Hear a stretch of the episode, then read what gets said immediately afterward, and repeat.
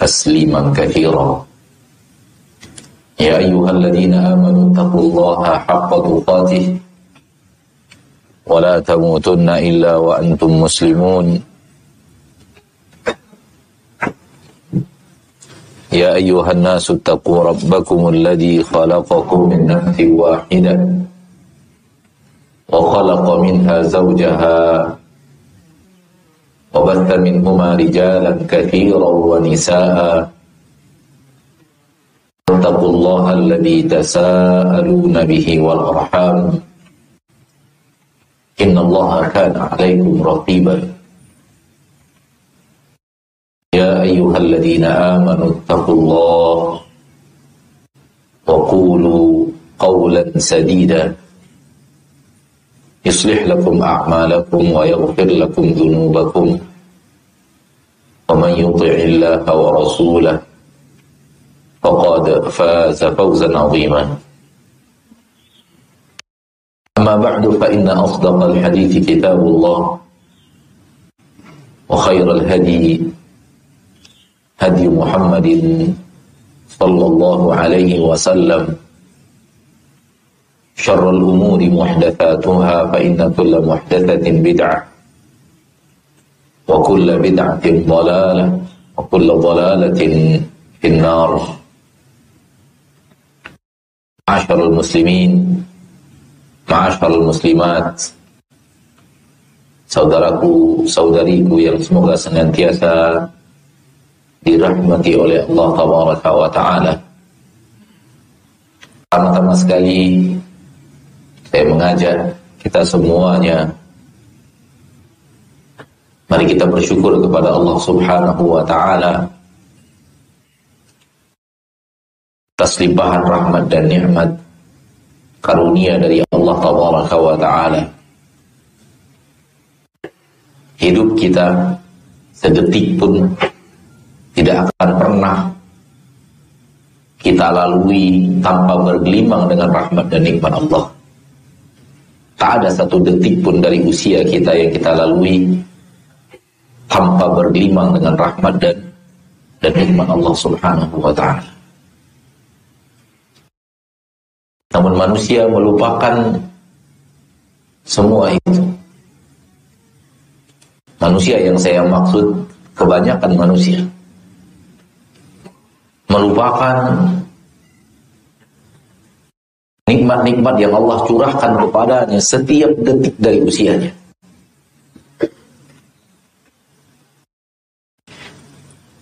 Tidak melihat itu adalah karunia besar dari Allah yang maha pengasih lagi maha penyayang, apalagi apalagi untuk mensyukurinya, melihatnya saja tidak.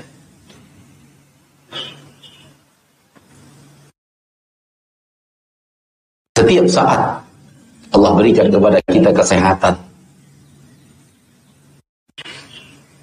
Setiap saat kita bernafas, menghirup oksigen menggunakan paru-paru yang Allah ciptakan. Setiap saat jantung kita bekerja tanpa istirahat. Kita istirahat, jantung kita tetap tidak istirahat. Darah yang mengalir setiap detik terus mengalir naik dan turun di tubuh kita. Dan para ahli medis lebih mengerti bagaimana luar biasanya arah kerja tubuh manusia yang Allah ciptakan. Dan kita sendiri penggunanya tidak tahu sama sekali. Kita tidak pernah bisa mengatur jantung kita, paru-paru kita, ginjal kita, pankreas kita, usus kita. Yang semua itu tampaknya mati kita. Kita nggak bisa hidup tanpa paru-paru, nggak bisa hidup tanpa jantung, nggak bisa hidup tanpa ginjal, nggak bisa hidup tanpa darah. Dan itu setiap detik dari hidup kita kita nikmati. Namun semua itu dilupakan manusia. Dilupakan yang kita maksud tidak dianggap bahagian daripada rahmat dan nikmat besar anugerah Allah. Ini menjadi masalah.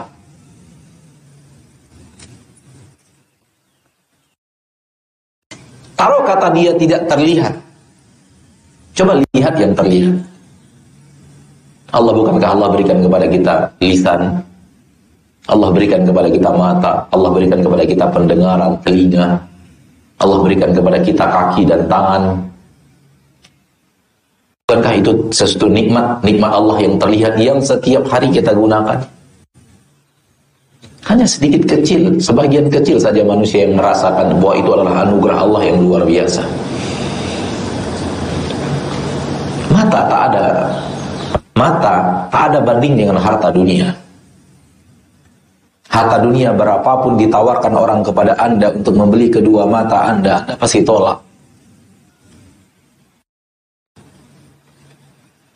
Harta dunia sebanyak apa pun ditawarkan kepada Anda untuk membeli lisan Anda, Anda pasti tolak. Kalau Anda berakal. Kalau Anda masih manusia wajar, manusia waras, manusia yang sempurna, akalnya pasti nolak seberapapun harta ditawarkan orang. Saya mau beli lisanmu satu triliun, terima tidak? Lisan dibeli satu triliun, mau terima tidak? Diberikan satu triliun, dipotong lisan, ambil orang. Siapa orang yang berakal yang mau coba? Menunjukkan bahwa nikmat-nikmat yang Allah berikan kepada kita sangatlah teramat besar. Kita yang mengkerdil-kerdilkannya. Sehingga akhirnya ketika dikerdilkan manusia, manusia tidak bisa bersyukur. Kenapa? Dia melihat sebuah nikmat yang kerdil. Bukan melihat sebuah nikmat yang sangat teramat besar.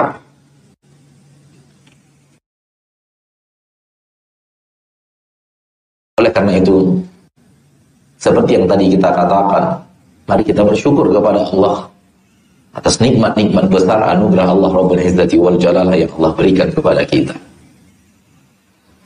Sifat ini yang hilang dari kebanyakan manusia. Kunci menjadi hamba yang bersyukur, pandai melihat rahmat dan nikmat Allah. Kunci menjadi hamba yang bersyukur, pandai melihat rahmat dan nikmat Allah datang. Kalau tidak pandai melihat rahmat dan nikmat Allah, bagaimana akan bersyukur?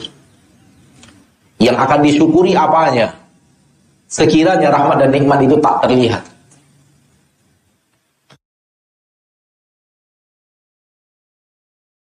Maka belajarlah untuk mahir melihat rahmat dan nikmat Allah untuk mahir menjadi hamba yang bersyukur. Kita yang datang tadi rumah ke masjid ini untuk majelis ta'lim sudah sampai di sini. Saya mau bertanya, siapa di antara kita yang begitu sampai di masjid ini merasakan ini anugerah dari engkau wahai Rabb? Perjalananku selamat sampai ke sini, ini benar-benar anugerah dari engkau ya Allah, ya Rahman, ya Rahim. Siapa di antara kita? Apakah sampainya Anda dari rumah kemari murni karena Anda pandai nyetir?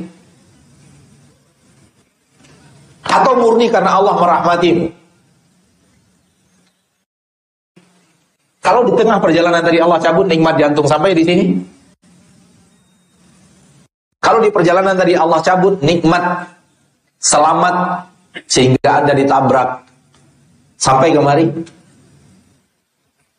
Kalau di perjalanan tadi tiba-tiba Allah berikan sakit, entah sakit gigi, entah apa yang kambuh. Sebagian manusia punya penyakit-penyakit bawaan. Akhirnya perjalanan ke majlis taklim akhirnya pindah ke rumah sakit Sampainya kita di sini murni karena Allah menyayangi kita dan memberikan kesempatan kepada kita untuk duduk di majelis ini. Akan tetapi kebanyakan manusia merasa karena dia pandai membawa kendaraan. Sehingga dia selamat sampai di sini. Eh subhanallah, mata yang kau gunakan selama perjalanan tadi, dari siapa itu? Telinga yang kau gunakan selama perjalanan tadi, dari siapa itu? Jantung yang berdetak selama perjalanan tadi, dari siapa itu? Kita, kapan kita ciptakan semua itu? Maka daripada itu saudaraku, saudariku, kaum muslimin dan muslimat rahimani wa rahimakumullah. Selalulah terikat dengan Allah. Selalulah jadi hamba yang ingat Allah. Dan itulah sifat Rasul kita tercinta Muhammad sallallahu alaihi wasallam kana yadhkurullaha fi kulli ahyanih kata para sahabat. Mensifatkan Rasul kita bagaimana beliau ingat Allah, selalu ingat Allah. Rasul itu selalu ingat Allah dalam segala situasi dan kondisi. Dalam setiap keadaan Rasul itu adalah orang yang selalu ingat kepada Allah. Jiwa beliau selalu terkoneksi dengan rohnya. Hingga ketika mendapatkan ini ingat Allah, begini ingat Allah, begini ingat Allah. Dilempari oleh orang-orang di Taif dari Bani Thaqif. Ia katakan, "Fa'ilam yakun bika alayya ghadabun fala ubadi." Kalau bukan engkau yang murka kepadaku, aku tidak peduli. Yang penting aku. Orang murka kepadaku silahkan. Asal engkau tidak murka kepadaku ya Rabb yang dikatakan oleh Nabi kita SAW sepulang perjalanan beliau dari Taif menuju Mekah sambil berdarah berdarah-darah. Beliau dan Zaid bin Harithah radhiyallahu anhu wa Saudaraku, saudariku, kaum muslimin dan muslimat rahimani wa rahimakumullah. Terlalu banyak ayat di dalam Al-Qur'an.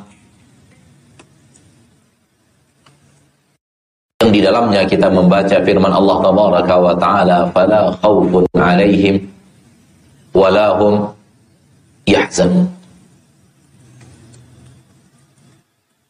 banyak sekali ayat di dalam Al-Quran di dalam surah Al-Baqarah dan yang lainnya. Allah tabaraka wa taala berfirman fala khaufun alaihim wala hum yahzanun. Ada di dalam surah Al-Baqarah ada di dalam surat Ali Imran, surat Al-Maidah, surat Al-An'am dan yang lainnya. Insya Allah anak yakin antum semua ketika membaca Al-Quran berlalu firman Allah Taala wa Ta'ala fala khawfun alaihim wala hum yahzanun. Orang yang beriman dan beramal saleh. Faman amana wa aslaha fala khawfun alaihim wala hum yahzanun. Orang yang istiqamah. Innal ladina qalu rabbuna Allah thumma istaqamu fala khaufun 'alaihim wala hum yahzanun. Dalam surah Al-Ahqaf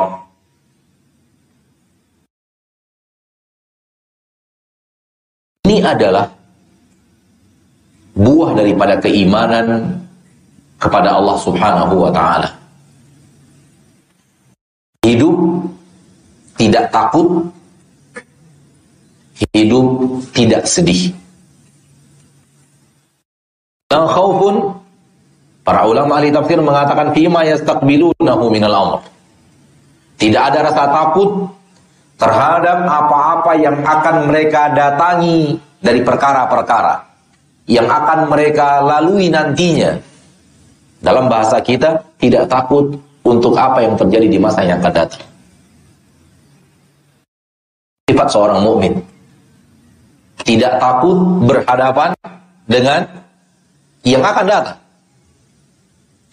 Wala khaufun alaihim wala hum yahzanun, tidak mereka sedih. Sedih terhadap masa lalu.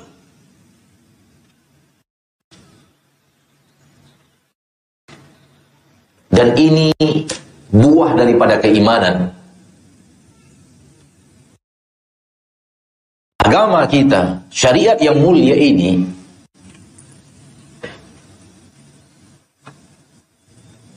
telah mengajarkan kepada kita hal-hal yang akan kita imani dengan se, se dengan sekuat keimanan berbuah kepada kehidupan yang nyaman. Dan di antara kehidupan yang nyaman itu adalah ayat tadi, fala khaufun alaihim wala hum yahzanun. Hidup tidak ada rasa takut untuk sesuatu yang akan terjadi di masa yang akan datang dan hidup tidak memiliki rasa sedih untuk sesuatu yang telah berlalu.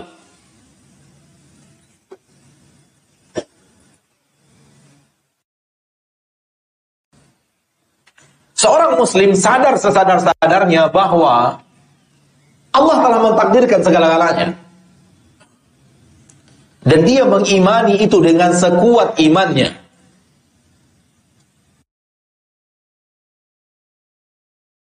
Lagi langit dan bumi Allah ciptakan, Allah sudah menulis segala kejadian. Hadis yang oleh Imam Muslim, Inna Allah yakhluqu Inna Allah kataba maqadir al-khalaiq qabla an yakhluqa as-samawati wal ard. Sesungguhnya Allah telah menulis takdir-takdir makhluk sebelum Allah menciptakan langit dan bumi. Sebelum Allah menciptakan langit dan bumi, Allah sudah tulis takdir makhluk. Tulisan lahul mahfuz sudah selesai sebelum langit dan bumi diciptakan. Berapa rentang waktunya? Di khamsina alfasana. 50 ribu tahun. Ini bab keimanan. Bab keimanan tentang apa? Takdir. Bahwa Allah tabaraka wa ta'ala Rabbul Izzati wal Jalalah telah menulis catatan takdir di lauhul mahfuz sebelum langit dan bumi diciptakan. Semuanya telah tertulis. Keimanan seorang mukmin akan takdir Allah bahwa Allah telah mengatur segala-galanya. Bahwa Allah telah menuliskan semua yang akan terjadi sampai dunia kiamat membuat dia tenang. Apa yang akan dia khawatirkan di masa yang akan datang? Semua sudah tertulis. Kulli alaikum. Kita bisa menghindar dari takdir itu? Bisakah kita menghindar dari takdir itu? Tidak. Apa yang Allah tuliskan pasti terjadi seperti yang Allah tuliskan. Apa yang perlu dikhawatirkan? Apa yang baru dicemaskan? Semua akan terjadi sesuai dengan yang Allah takdirkan. Allah katakan ya, terjadi. Allah katakan tidak, tak akan terjadi. Dan itu semua sudah selesai. Al-amru mufarragun anha. Sudah selesai. Sudah ditulis oleh Allah. Hari ini kita akan bagaimana, nanti siang kita akan bagaimana, sore kita akan bagaimana, malam akan bagaimana, besok akan bagaimana, seterusnya sampai kemudian akhirnya ajal menjemput kita. Sudah ditulis oleh Allah. Dan akan terjadi sesuai dengan yang Allah tuliskan itu. Masih ingat sekitar dua setengah atau tiga tahun yang lalu? Terutama di awal-awal isu tentang corona ini begitu maraknya di dunia di, di media sosial. Dan ketika itu kita dilarang keluar, dianjurkan untuk tidak keluar rumah, bahkan dilarang masuk masjid. Saya masih ingat detik-detik seperti itu terlalu banyak pertanyaan yang di dalamnya kita menangkap kekhawatiran yang sangat sangat hebat Kalau yang khawatir itu orang yang tidak beriman kepada Allah dan Rasulnya kita masih memaklumi. Tapi kalau khawatirnya adalah orang yang beri, tapi kalau yang khawatir adalah orang yang beriman kepada Allah, beriman kepada takdirnya, beriman kepada Rasulnya, beriman dengan catatan takdir hidup. Ada apa dengan dirimu? Kenapa engkau begitu khawatir? Allah katakan kena, kena. Allah katakan tidak, tidak. Luasannya begitu cepat Ustaz, begitu. Ya akhi, Virus itu tidak pindah dari satu tubuh ke tubuh yang lain kecuali ada yang memerintahkan dia untuk pindah.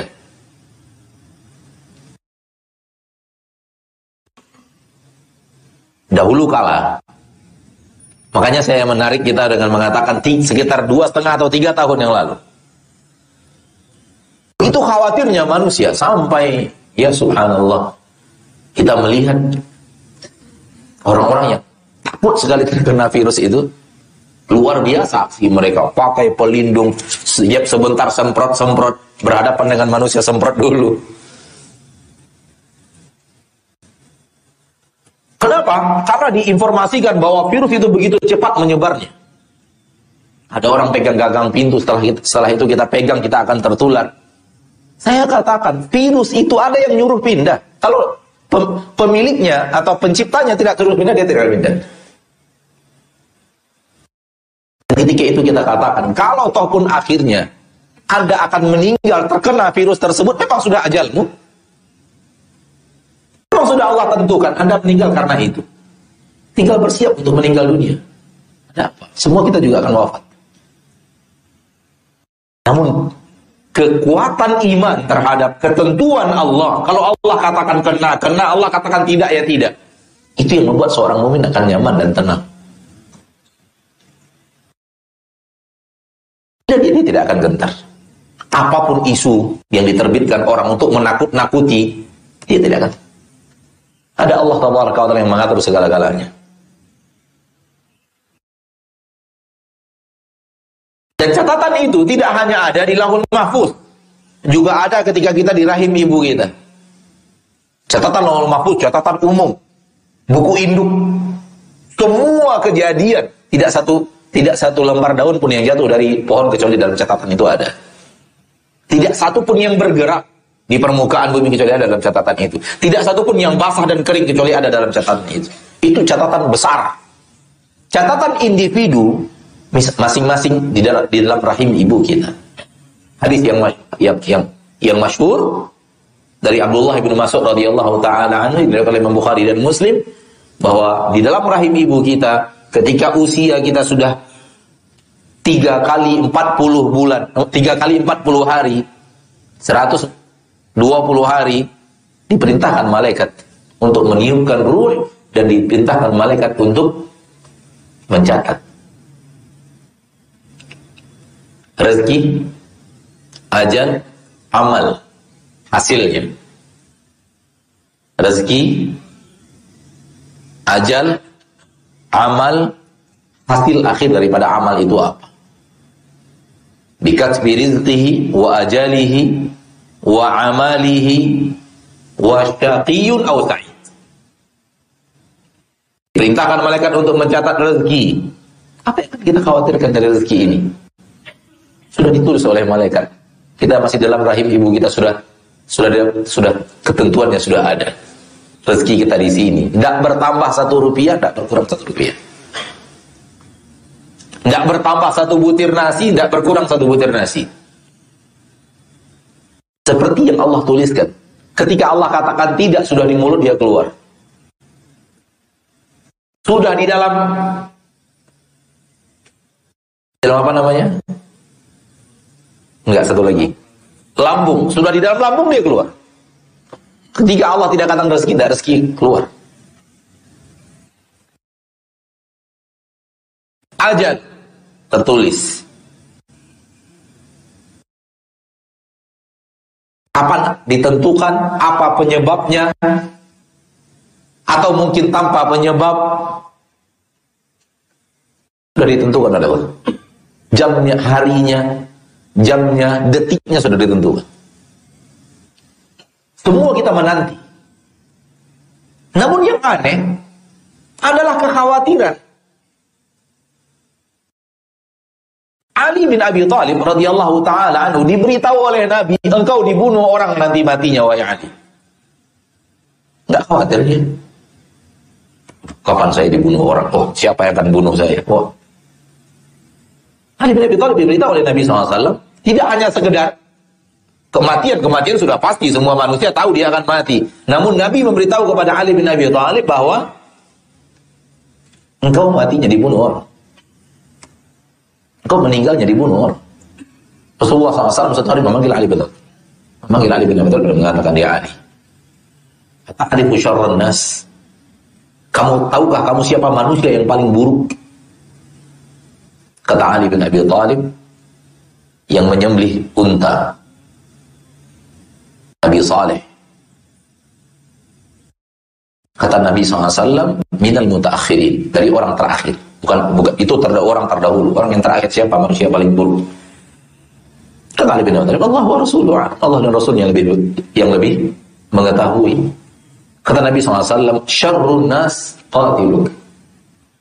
Manusia terburuk yang nanti membunuh wahai. Jadi ketika Ali bin Abi Thalib hidup, beliau tahu bahwa wafatnya beliau apa? Dibunuh orang. Tapi sedikit pun tidak ada gentar, subhanallah. Coba antum kalau diberitahu kayak gitu coba. Apa yang terjadi? Enggak diberitahu. Oh, subhanallah, tidak diberitahu bahwa akan terjadi musibah yang yang besar saja kita penuh rasa takut. Apa apa penyebabnya ini? Penyebabnya keimanan. Allah sudah tentukan. Terjadi seperti yang Allah katakan. Kata Nabi SAW akan merah darah di jenggotmu wahai Ali disebabkan darah yang mengalir dari kepala. Berarti Ali tahu dia dibacok orang. Pakai pakai pakai senjata. Hingga suatu hari di kota Kufa Ali bin Abi Thalib sakit, demam panas. Sebagian keluarganya mengatakan, kami takut engkau meninggal. Kata Ali bin Abi Thalib, enggak, saya tidak akan meninggal. Saya baru akan meninggal kalau darah sudah mematai jenggotku disebabkan yang ada disebabkan luka yang ada di kepala. Rasul telah memberitahu seperti itu. Ada orang yang menceritakan dia akan mati seperti ini tanpa rasa takut dan rasa gentar. Bahkan ketika dikatakan akan meninggal ketika sakit, enggak saya tidak akan meninggal saya tidak seperti ini. Meninggal saya seperti ini besoknya. Rasul telah pernah memberitahu kepada saya. Apa yang menyebabkan seorang Ali bin Abi Thalib tahu bagaimana wafatnya bahwa bahwa kepalanya akan akan berdarah, jenggotnya akan dipenuhi oleh darah, wafatnya akan seperti itu, tak ada rasa gentarnya. Tidak ada rasa khawatir, cemas, bagaimana nanti, bagaimana nanti, bagaimana anak, bagaimana keturunan. Apa yang Anda khawatirkan? Perkara sudah selesai. Urusan sudah tertulis. Ini yang Anda katakan tadi bahwa kenapa manusia tidak takut dengan masa yang akan datang karena dia tahu Robnya telah menuliskan segala-galanya. Allah sudah atur segalanya. Allah sudah tuliskan seluruh kejadian langit dan bumi. Awalu ma al-qalam. Yang pertama kali Allah ciptakan pena. Tidak uktub. Dikatakan kepada pena, tulis wahai pena. Qala ma. Pena bertanya apa yang akan kutulis ya Rabb? Alat tub ma huwa ka'in ila yaumil qiyamah. Tulis semua yang akan terjadi sampai hari kiamat. Antum yang hari ini nulis sudah tertulis oleh pena. Antum datang hari ini pakai baju apa, pakai peci warna apa.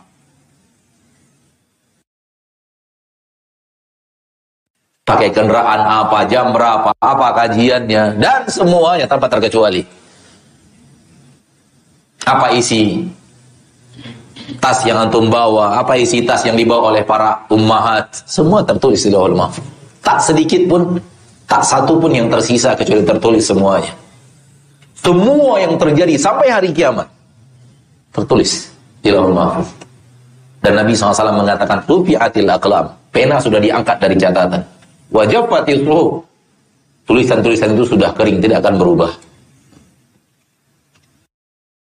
Bisakah takdir dirubah? Pertanyaannya sering ditanyakan bisa kata takdir dirubah? Kita katakan takdir yang mana?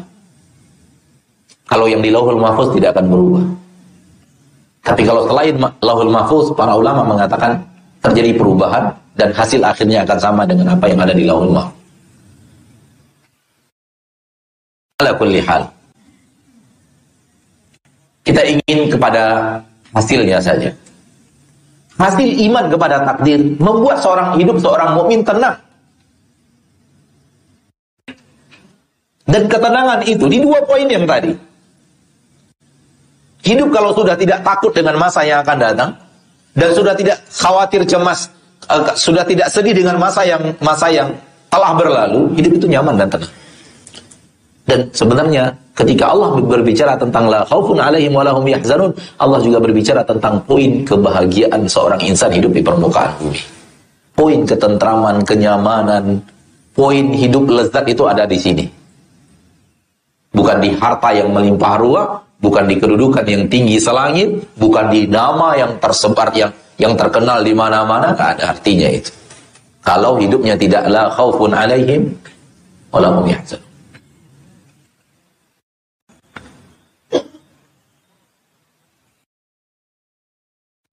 Anda khawatirkan rezekimu. Kenapa Anda khawatir rezekimu? Allah sudah menuliskan rezeki itu. Anda khawatirkan rezeki anak-anak. Apa yang perlu Anda khawatirkan? Anak-anak itu makhluk Allah, ciptaan Allah. Hamba Allah yang Allah titipkan dalam hidupmu. Allah telah Allah telah menjamin rezeki setiap hamba yang hidup di permukaan bumi. Jangankan hamba, seluruh binatang yang melata bergerak di permukaan bumi ada rezekinya. Wa ma min dabbatin fil ardi illa 'ala Allahi rizquha. Tidak ada yang bergerak melata di permukaan bumi, bergerak di permukaan bumi dabbah baik manusia yang lainnya asal bergerak di permukaan bumi illa 'ala Allahi rizquha melainkan kewajiban bagi Allah untuk memberikan rezeki kepadanya. Ini masyur dalam surat Hud ayat yang ke-6. Tak ada yang bergerak di permukaan bumi. Kecuali Allah pasti akan memberikan rezeki kepadanya. Apa yang kita khawatirkan? Apa yang kita cemaskan? Ini yang tadi kita katakan bahwa keimanan kepada Allah Rabbul Izzati wal Jalalah yang mengatur segala rezeki hamba membuat kita tenang. Hidup kita nyaman.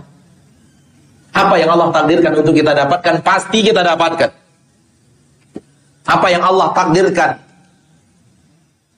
tidak kita dapatkan rezekinya, pasti nggak dapat. Sehebat apa pun kita ngejar. Akan datang rezeki itu seperti yang Allah Taala tuliskan. Ta'allamu annahu annahu lan yamuta nafsun hatta lan tamuta nafsun hatta tastakmila rizqaha. Hatta tastakmila rizqaha kata Nabi SAW dalam hadis dari Imam Muslim. Ketahuilah bahwa tidak akan wafat satu jiwa melainkan dia harus ambil sempurna dulu rezekinya. Dia ambil sempurna dulu rezekinya baru dia bisa wafat. Sebelum rezeki itu sempurna dia ambil dia belum akan wafat sehingga diriwayatkan ada seorang orang tua yang koma berbulan-bulan. Kemudian keluarganya sudah merasa dia akan wafat. Tiba-tiba suatu hari membaik dia punya kesehatan. Dan dia sadar dari dari komanya. Ketika sadar dia ingin minum ingin es krim subhanallah. Setelah minum es krim, koma lagi meninggal. Ada rezekinya yang belum diambil bernama es krim dikisahkan. Katanya kejadian di Singapura. Wallahu taala alam. Dan itu bukanlah perkara yang aneh bagi seorang yang beriman kepada Allah dan beriman kepada ketentuannya ketentuan takdir ketentuan rezeki. Dan di zaman kita sekarang terlalu banyak orang yang mengkhawatirkan rezeki. Terlihat dari perbuatan manusia saking takut rezekinya dihantui rezeki sampai akhirnya membuat aksi-aksi pengamanan-pengamanan yang tidak sesuai syariat. Ikhtiar boleh akhifiddin, tapi jangan melampaui syariat. Anda ingin menabung? Semoga kalau saya meninggal ada tabungan untuk anak dan istri saya. Suatu hal yang boleh secara syariat. Tapi jangan melebihi ketentuan syariat. Orang yang menabung melebihi ketentuan syariat, kita mulai melihat bahwa dia terlalu khawatir dengan rezeki anaknya, terlalu khawatir dengan istri, dengan rezeki istrinya dan keluarga yang dia tinggalkan. Sekira-kira dia duluan wafat. Sehingga tabungan asuransi pendidikan, tabungan asuransi kesehatan, tabungan asuransi apa lagi? Kecelakaan, asuransi rumah, asuransi subhanallah semua itu buah daripada sifat khawatir akan masa yang akan datang. Itu yang itu yang itu yang yang tadi di dalam ayat ditiadakan dari orang yang beriman. Orang yang beriman dan beriman dalam amal saleh nggak ada takutnya. Kalau apa pun dia menabung sebagai ikhtiar duniawi. Karena Rasulullah SAW bersabda kepada Sa'ad bin Abi Waqqas, "Innaka antadara warathataka aghniya khairul laka min antadarahum alatan yatakaffafuna nas.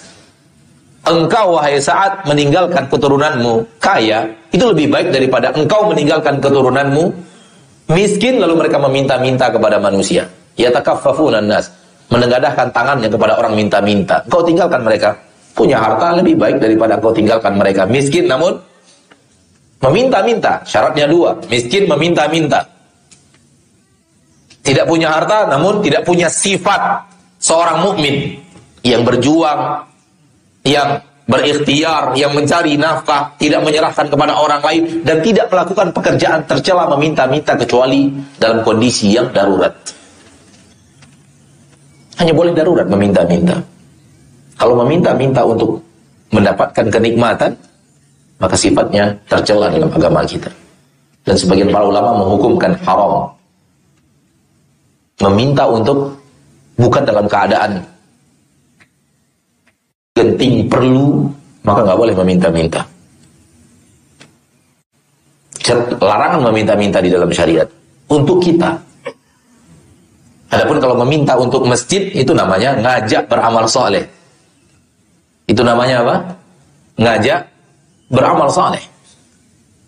Ini beda ya. Yang jelas. Masyaallah muslimin, kata Nabi SAW kepada Sa'ad bin Abi Waqqas, Engkau tinggalkan anak keturunanmu. Ada hartanya, kaya mereka karena sesuatu yang kau tinggalkan lebih baik daripada engkau tinggalkan mereka. Dua hal. Pertama apa? Miskin, alatan. Dua apa? Ya takaffafun. Mereka tidak punya punya jiwa islami yang benar-benar kuat. Kenapa? Ada dua syarat. Karena Rasul kita SAW ketika meninggalkan keluarganya, meninggalkan tanpa harta. seluruh para nabi dan rasul, tidak hanya nabi kita tercinta Muhammad SAW, seluruh para nabi dan para rasul. Ketika mereka meninggal, harta mereka tidak jadi waris, ahli waris keluarganya. Nahnu ma'asyara anbiya la nuraf. Kami seluruh para nabi tidak ada yang diwarisi oleh keluarganya. Ma sadaqah. Harta yang kami tinggalkan semuanya menjadi sadaqah. Tidak ada keluarga Rasul, keluarga Nabi mana pun daripada Nabi dan Rasul yang Allah utus yang menikmati hasil harta waris daripada para nabi dan rasul. Nahnu ma'asyar anbiya Dan Rasul kita tercinta sallallahu alaihi wasallam kalau kita tanya kepada kita kita lihat biografi Rasul kita meninggalkan keluarganya kaya atau tidak kaya? Tidak kaya. Namun dengan jiwa Islam yang tertanam. Dengan sikap mukmin yang tertanam sehingga walaupun ditinggal tidak memiliki harta, tidak akan apa? Ya takaffafunan nas. Tidak akan menengadahkan tangannya meminta-minta. Kenapa? Terlatih dengan kehidupan seperti itu yang ditinggalkan oleh ayah mereka. Dan ini bahasan berbeda. Ya, mana yang lebih baik? Tinggalkan anak dalam keadaan kaya namun lemah. Secara sifat, secara mental tidak kuat. Atau tinggalkan mereka dalam keadaan tidak dapatkan harta yang banyak, namun sikap mereka sudah terbentuk. Jiwa mereka adalah jiwa yang kuat. Dan yang paling afdal adalah apa yang dikerjakan oleh Nabi kita tercinta Muhammad wasallam. Apa yang dilakukan Nabi itu yang terbaik. Itu yang terbaik. Rasul mendidik keluarganya, istri dan anak-anaknya untuk menjadi manusia yang siap dengan berhadapan dengan dunia sepahit apa pun. Dan di mental itulah Rasul meninggalkan istri dan anak-anaknya. Dan ini yang hilang dari dada banyak manusia. Padahal dia mengatakan Rasulullah adalah suri, suri tauladan. Apa yang Anda khawatirkan? Ketika seorang ayah hidupnya pas-pasan, apakah itu anaknya hidupnya harus pas-pasan? Hah? Apakah karena ayah dan ibunya hidupnya pas-pasan, Anaknya harus seperti itu juga hidupnya? Iya atau tidak? Tidak. Kenapa? Rezeki masing-masing. Jangankan orang lain, diri kita saja coba.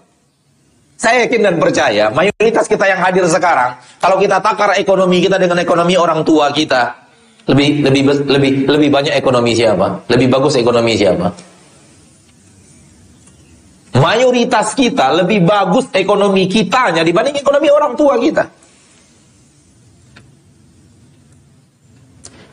Hai muslim, hai muslimah, dirimu saja sudah merupakan bukti bahwa ekonomi orang tua bukanlah sesuatu yang akan menirpa anaknya. Allah berbuat. Allah maha mengatur. Ada apa engkau yang lebih baik ekonomimu daripada ekonomi orang tuamu mengkhawatirkan ekonomi anakmu?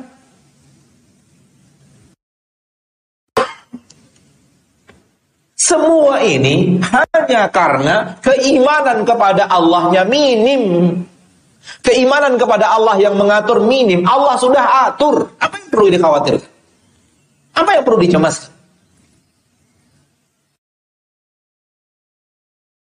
Seperti yang tadi kita katakan. Lalu kita berikhtiar. Menabung. Silakan. Secara syariat diizinkan. Tapi khawatir cemas gak boleh. Beda. Ada orang yang menabung-menabung karena khawatir cemas, nanti anak saya makan apa, nanti anak saya tinggal di mana dan semacamnya. Gak boleh. Walau tanpa menabung. Walau dengan menabung. Tapi kalau seandainya Anda menabung, Anda tinggalkan, namun kekhawatiran itu tidak ada, Anda serahkan kepada Allah urusan. Sehebat apa pun kita menabung, kalau sekiranya Allah tabaraka wa ta'ala katakan tidak, ya tidak juga. Betapa banyak orang simpan harta untuk anaknya, terlalu simpan wafat sebelum memberitahu anaknya coba. Akhirnya harta itu nggak jadi nggak jadi milik anaknya juga. Saya kenal seseorang yang seseorang kenal keluarganya ada hubungan kekerabatan, punya tabungan yang banyak. Bahkan beberapa bulan sebelum meninggal dia masih melihat nominal tabungan itu hilang entah ke mana. Kalau Allah katakan tidak, enggak juga untuk milik anak-anak kita, enggak dapat juga anak-anak kita. Tapi kalau Allah katakan ya, lihat surat Al-Kahfi. Allah kirim Nabi Musa, Allah kirim Nabi Khidir untuk membiarkan harta itu berada di situ sampai diambil oleh anak-anaknya. Betul tidak? Anaknya tidak tahu. Ada harta yang ditinggalkan oleh ayahnya di situ. Ma'asyarul muslimin, ma'asyarul muslimat, rahimani wa rahimakumullah. Jadi tidak tidak merupakan hitungan matematis ekonomi orang tua sama dengan ekonomi anak. Terlalu banyak manusia kita lihat ekonomi dia jauh lebih lapang daripada ekonomi yang di Allah berikan kepada ayah dan ibunya. Maka tidak ada kelaziman bahwa kalau kita memiliki harta seperti ini berarti anak kita bagaimana besok bagaimana. Serahkan kepada Allah tabaraka wa taala rabbul izzati wal jalal.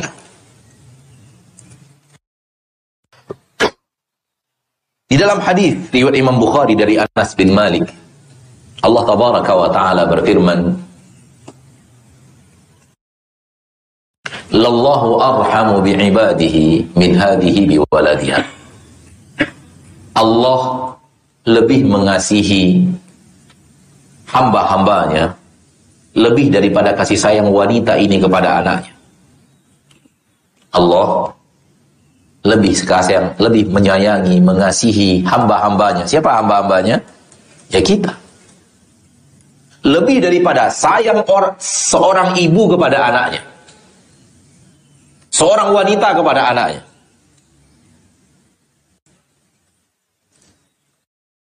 Kita memiliki Allah yang mengasihi kita, menyayangi kita. Mengasihi anak-anak kita, menyayangi anak-anak kita. Lebih daripada sayang seorang ibu kepada anaknya. Apa yang akan kita khawatirkan? Allah pencipta kita lebih sayang kepada kita daripada sayang ibu kita kepada kita. Apa yang perlu kita khawatirkan subhanallah? Sudah tentukan rezeki. Allah mengasihi menyayangi kita lebih daripada ibu kita. Allah tidak akan biarkan kita begitu saja hidupnya tanpa perhatian, curahan perhatian, kasih sayang. Takkan ada seorang hamba pun melainkan dikasihi oleh Allah, disayangi oleh Allah. Pernahkah Anda melihat seorang seorang yang hidup akalnya tidak sempurna? Ada Adakah rezekinya? Adakah rezekinya? Ada. Padahal dia ditakdirkan oleh Allah Tabaraka wa taala hidup tanpa akal yang sempurna sehingga tidak bisa mencari nafkah, tidak bisa mencari, berusaha dan semacamnya. Rezekinya ada tidak?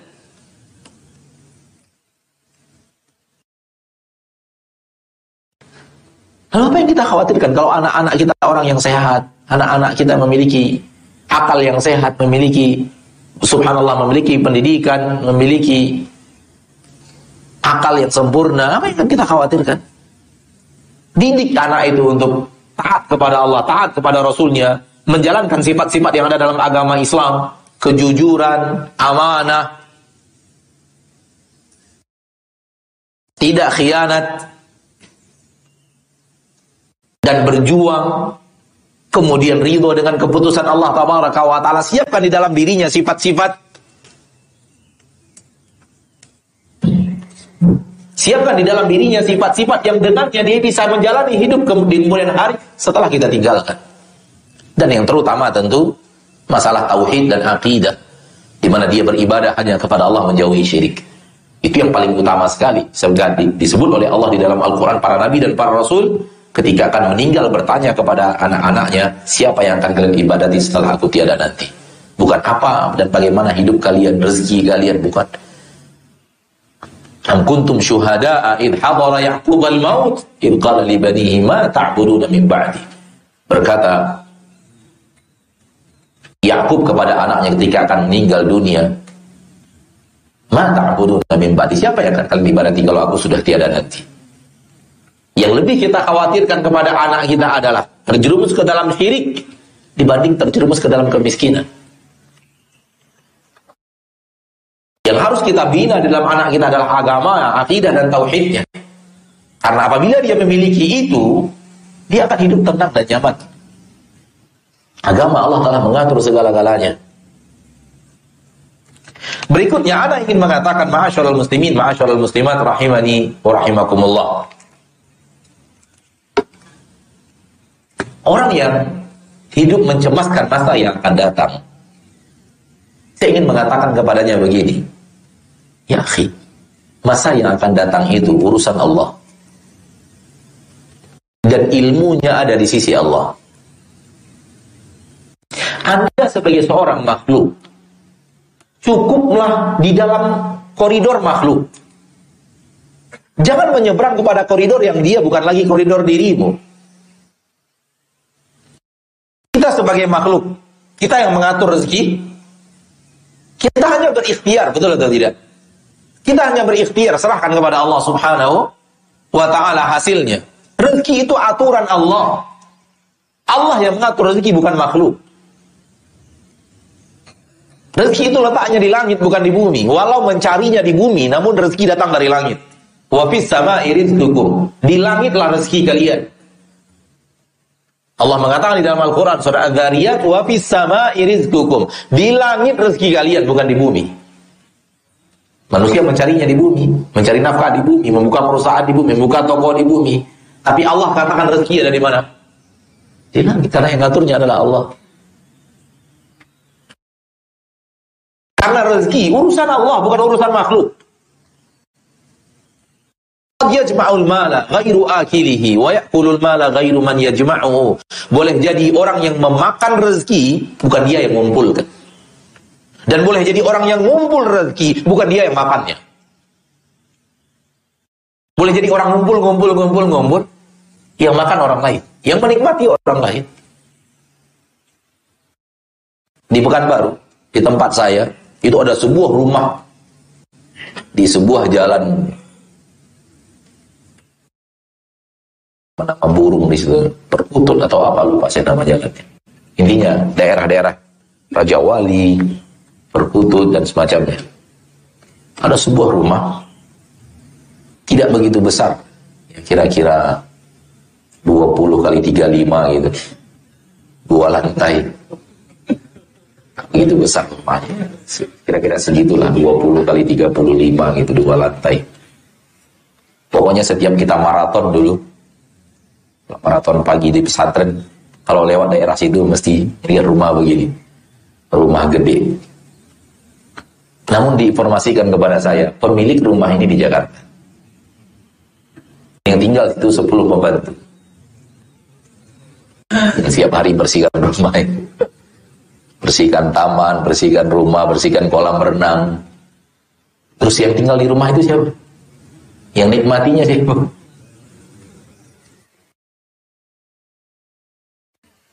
Kembali, kembali kepada kita kepada bahasan yang tadi kita katakan. Urusan rezeki wahai muslim wahai muslimah bukan urusan kita. Urusan kita berikhtiar yang diizinkan Allah. Soal berapa dapatnya, bagaimana nantinya, jangan tanya-tanya serahkan kepada Allah. Itu dia namanya tawakal. Karena urusan rezeki urusan Allah, bukan urusan makhluk. Dalam kata lain, saya ingin mengatakan, rezeki itu urusan gaib. Dan Anda sebagai seorang makhluk dilarang masuk ke dalam kancah masalah gaib. Itu perlu diimani, bukan di bukan dimasuki. Bisa dipahami? Yang mengatur itu Allah. Kalau itu adalah ilmunya Allah, ilmu makhluk tidak akan sampai kepadanya dan makhluk yang masuk ke dalam ilmu yang berhubungan dengan Allah tercela.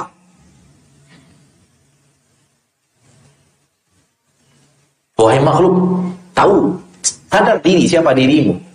Engkau adalah makhluk di bawah aturan Allah. Lalu engkau ingin mengotak-atik masalah rezeki. Ingin nantinya begini, anak saya begini, anak saya S3-nya di di sana, di sana, di... Subhanallah, engkau tahu anakmu akan hidup sampai S3? Hah?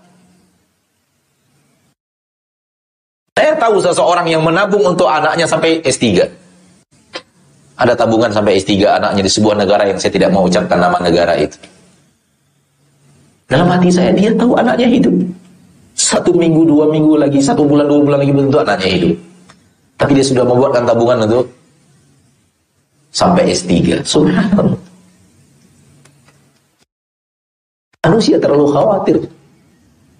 Sementara dia ayahnya petani. Orang yang nabung untuk anaknya itu ayahnya petani coba. Kenapa tidak mengambil ibrah wahai manusia? Ayah Anda yang petani saja, Anda memberi, diberikan oleh Allah kenikmatan hidup seperti yang sekarang. Sementara Anda hidup Anda yang sekarang, kenapa Anda khawatirkan rezeki anak, anak Anda? Subhanallah. Semua ini datangnya dari iblis la'natullahi alaih yang mengkhawatirkan kepada manusia supaya manusia melupakan tawakalnya kepada Allah Subhanahu wa taala Rabbul Izzati wal Jalal. Apa yang terjadi pada diri kita, diri anak-anak kita besok, besoknya lagi, besoknya lagi sampai di akhirnya meninggal semua sudah tercatat di Lauhul Mahfuz. Semua sudah tercatat di dalam rahim ibu kita ketika kita masih dalam rahim ibu kita apa yang perlu kita khawatirkan? Maka jangan masuk dalam kancah ilmu gaib. Ilmu gaib biarkan untuk Allah. Karena Allah yang tahu masalah ilmu tentang masalah gaib termasuk pengaturan rezeki. Allah yang tahu. Allah yang mengaturnya. Itu urusan Allah bukan urusan makhluk. Maka Anda berikhtiarlah mencari nafkah, mencari nafkah lah. Mencari makan dengan yang halal. Ajarkan anakmu untuk mencari nafkah dengan cara yang halal. Dan jangan khawatirkan masa yang akan datang. Karena kekhawatiran di masa yang akan datang itu menunjukkan lemahnya iman. Menunjukkan akan akan lemahnya iman. Semua manusia tanpa terkecuali Allah akan berikan kepadanya nikmat dan musibah. Semua manusia. Semua manusia tanpa terkecuali Allah akan berikan kepadanya nikmat musibah. Dan hidup ini akan selalu saling berganti-ganti. Kadang nikmat kadang musibah kadang nikmat kadang musibah. Itu terjadi kepada semua manusia. Kepada orang-orang sebelum kita kepada manusia di zaman kita kepada manusia setelah kita semua akan terjadi. Hidup itu pergantian pergantian musibah dan dan nikmat oleh karena itu Nabi mengatakan ajaman li amril mu'min menakjubkan perkara seorang mukmin Kenapa menakjubkan? Karena hidupnya yang silih berganti antara sarra dan darra. Ida in asabathu sarra, apabila datang kepadanya hal yang membahagiakan, wa in asabathu darra, apabila datang kepadanya hal yang memberikan mudarat. Berarti hidup itu terbagi dua. Kadang yang datang sarra, hal yang membahagiakan, kadang yang datang darra, hal yang memberikan mudarat. Kadang yang datang nikmat, kadang yang datang musibah, dan itu akan silih berganti. Di dalam Al-Quran, dalam ayat yang kita hafal, Allah mengatakan, فَإِنَّ مَعَ الْعُسْرِ yusra. Setelah kesulitan ada kemudahan. Berarti hidup itu kadang Allah berikan kesulitan. Kadang setelah itu Allah berikan kenikmatan, kelapangan. Datang lagi kesulitan. Datang akan begitu terus hidup. Dan itu sifatnya dunia. Sifat dunia seperti itu. Tak ada orang hidup di permukaan bumi hidupnya nyaman terus gak ada musibah. Musibah terus gak ada nyaman itu gak ada. Itu akan menimpa kita dan menimpa anak-anak kita. Sehebat apa pun kita membuat protek untuk anak-anak kita, nggak akan ada yang namanya dia tinggal di dunia, hidupnya akan seperti hidup kita. Ada kalanya nikmat, ada kalanya musibah. Maka yang terbaik adalah mendidik mereka untuk bersyukur atas nikmat dan bersabar atas musibah. Itu yang terbaik. Itu yang terbaik. Ajarkan mereka bahwa ketika dia mendapatkan nikmat, dia harus bersyukur kepada Allah. Ketika dia mendapatkan musibah, dia harus bersabar. Dan ajarkan kepadanya bahwa sabar sabarnya terhadap musibah adalah nikmat. Sabarnya terhadap musibah adalah adalah nikmat. Allah akan melihat sabar seorang hamba. Ketika sabarnya semakin baik, derajatnya di sisi Allah semakin baik. Maka bukan mengkhawatirkan masa-masa yang akan datang ma'asyarul muslimin, ma'asyarul muslimat rahimani wa rahimakumullah. Di dalam Al-Quran surat Al-Hadid ayat 22 Allah tabaraka wa taala berfirman ma asaba min musibatin fil ardi wala fi anfusikum. Tidak ada sesuatu pun musibah di bumi wala fi anfusikum, tidak juga terjadi pada diri kalian. Illa fi kitabin melainkan semuanya telah tertulis dalam sebuah kitab. Tak ada apa pun yang terjadi di, di bumi, tak ada apa pun yang terjadi pada diri kalian, diri kita, diri anak-anak kita, diri cucu-cucu kita, diri seluruh manusia. Illa fi kitab. Melainkan semua itu sudah ada dalam catatan kita. Sudah tertulis. Dan tidak akan lari dari tulisan itu. Illa fi kitabim min qabli an nabra'aha. Melainkan semuanya sudah ada dalam catatan kitab sebelum segalanya itu diciptakan dan terjadi. Sebelum dia terjadi, sudah ada tulisannya lebih dahulu. Inna dzalika 'ala Allah yasir. Yang demikian itu bagi Allah adalah hal yang mudah. Lalu banyak orang bertanya kepada Allah, kok bisa? Saya belum berbuat sudah ada tulisannya. Kok nggak masuk logika? Nggak masuk logika kalau ada makhluk. Tapi akan masuk logika kalau bicara tentang Allah yang maha tahu segala-galanya. Kadang-kadang manusia ini, ini yang saya katakan tadi, dia sering logika makhluk dia gunakan dan bicara tentang Allah. Di sini yang membuat banyak orang salah jalan, banyak orang tersesat dari jalan yang benar, terutama dalam asma sifat. Tentang keimanan terhadap asma wa sifat. Permasalahan yang paling pelik adalah manusia menakar bahasan tentang Allah dengan takaran makhluk. Ilmu makhluk diterapkan dalam pembicaraan tentang tentang Allah. Ya akhi, makhluk biarkan di biarkan di koridor makhluk. Kalau sudah bicara Allah tabaraka wa taala koridor makhluk tidak akan bermanfaat. Makhluk bicara makhluk. Kalau sudah bicara dengan Allah, jangan bicara tentang Allah dengan ilmu makhluk. Jangan bicara Allah dengan rumus makhluk. Kita sudah bicara Allah yang maha segala-galanya, maha tahu, maha maha mengetahui semua yang akan datang. Sehingga kalau Allah sudah tahu semua yang akan datang, apa apa sulitnya bagi Allah menuliskan? Allah sudah tahu semua yang akan datang. Banyak orang bertanya kepada kita bagaimana? Pertanyaan yang paling sering adalah, Ustadz sekiranya seseorang telah tertulis takdirnya di neraka, bisakah dia rubah dengan rajin beribadah, beramal soleh, kemudian masuk masuk surga? Itu banyak sekali pertanyaan itu datang kepada kita. Itu bisa nggak?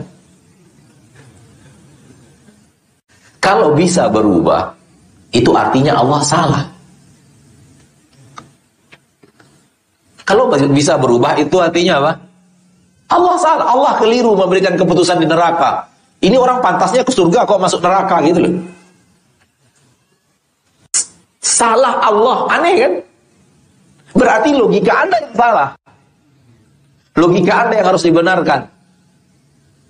Allah kalau sudah mengatakan dia neraka, pasti dia neraka. Nggak akan bisa pindah ke surga. Dan Allah ketika menetapkan dia di neraka, bukan zalim karena perbuatan dia. Akan ada orang seperti Abu Bakar. Itu diletakkan di neraka oleh Allah. Dan gak akan ada orang seperti Fir'aun yang diletakkan di surga. Itulah kezaliman. Tidak diletakkan pada tempatnya yang benar. Dan Allah jauh daripada kezaliman itu. Permasalahannya adalah, dia merasa, bagaimana mungkin saya sudah dituliskan. Padahal saya belum berbuat.